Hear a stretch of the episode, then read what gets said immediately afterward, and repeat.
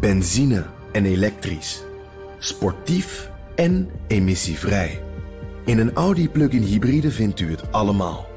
Ervaar de A6, Q5, Q7 en Q8 standaard met quattro vierwielaandrijving. Wat u ook zoekt, u vindt het in een Audi. Audi. Voorsprong door techniek. Tech Update.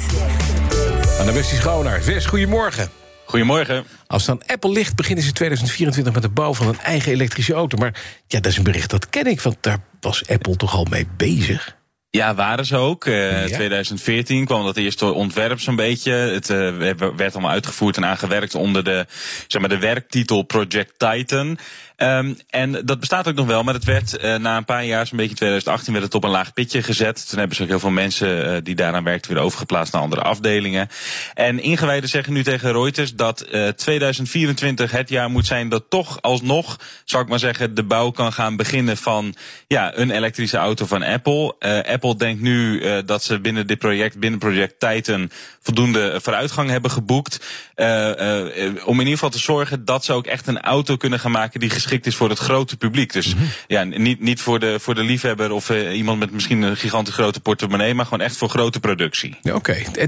wat weten we dan over die auto? Hij wordt natuurlijk wit en rond en je kan hem opladen met het be bekende Apple-snoertje. Nee, zonder gekheid. ja, dan krijg je er geen adapter bij. ja, ja, precies. Zit niet in de. Maar wat, wat, wat is het voor ding? Weten we daar al iets van?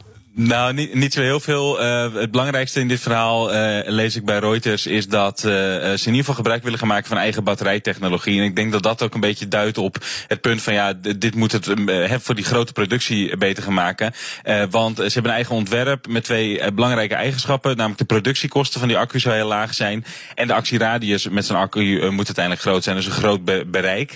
Um, dat, dat is eigenlijk het belangrijkste punt. En verder las ik nog dat ze in ieder geval natuurlijk willen dat die auto ook zelfstandig uh, kunnen gaan rijden. Uh, kan gaan rijden. Dus uh, ja, een soort autopilot functie of iets in die richting. Zoals we dat bijvoorbeeld ook van de Tesla kennen.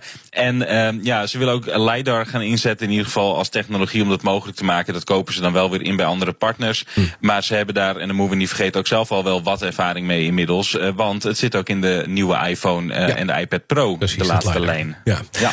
Is er een kans inderdaad dat ze, dat ze onder hun eigen brand, onder Apple...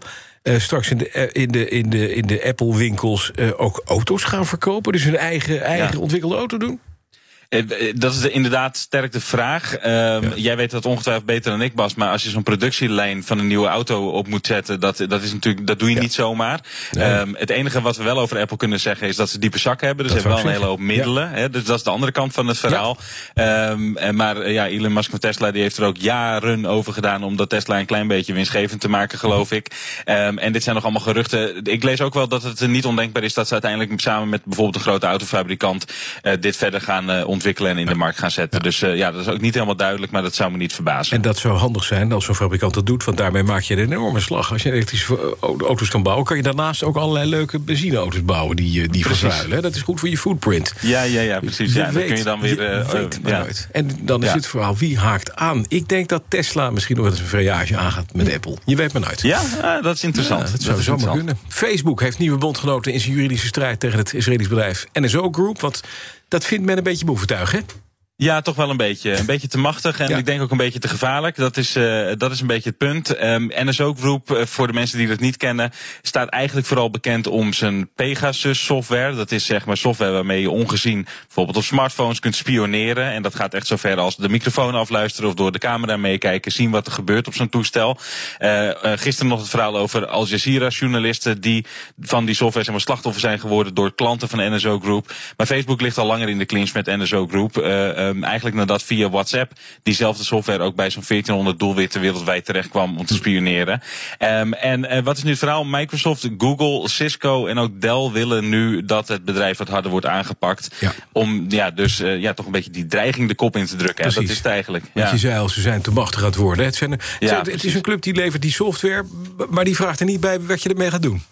Nee, daar lijkt het toch wel een beetje op. Dat is in ieder geval de kritiek uh, wat, wat, je altijd hoort uh, bij verhalen rondom NSO Group. Kijk, zij maken dit, ze zetten dit in de markt als een tool voor overheden om criminaliteit en terrorisme te kunnen bestrijden. Dus om een middel te hebben om ongezien bij criminelen bijvoorbeeld mee te kunnen lezen en mee te kunnen kijken.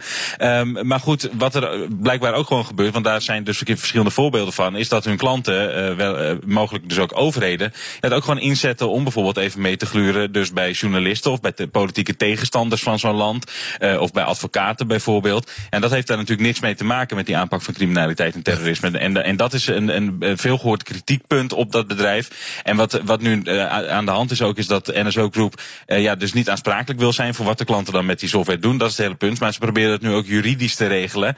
En deze bedrijven, een beetje onder aanvoering van Facebook, eh, proberen dat nu dus te voorkomen. Duidelijk. Dankjewel, Westie Schouwelaars. De BNR Tech Update wordt mede mogelijk gemaakt door Orange Cyber Defense. Build a safer digital society.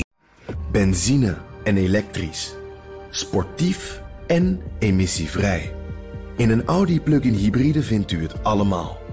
Ervaar de A6, Q5, Q7 en Q8 standaard met quattro vierwielaandrijving.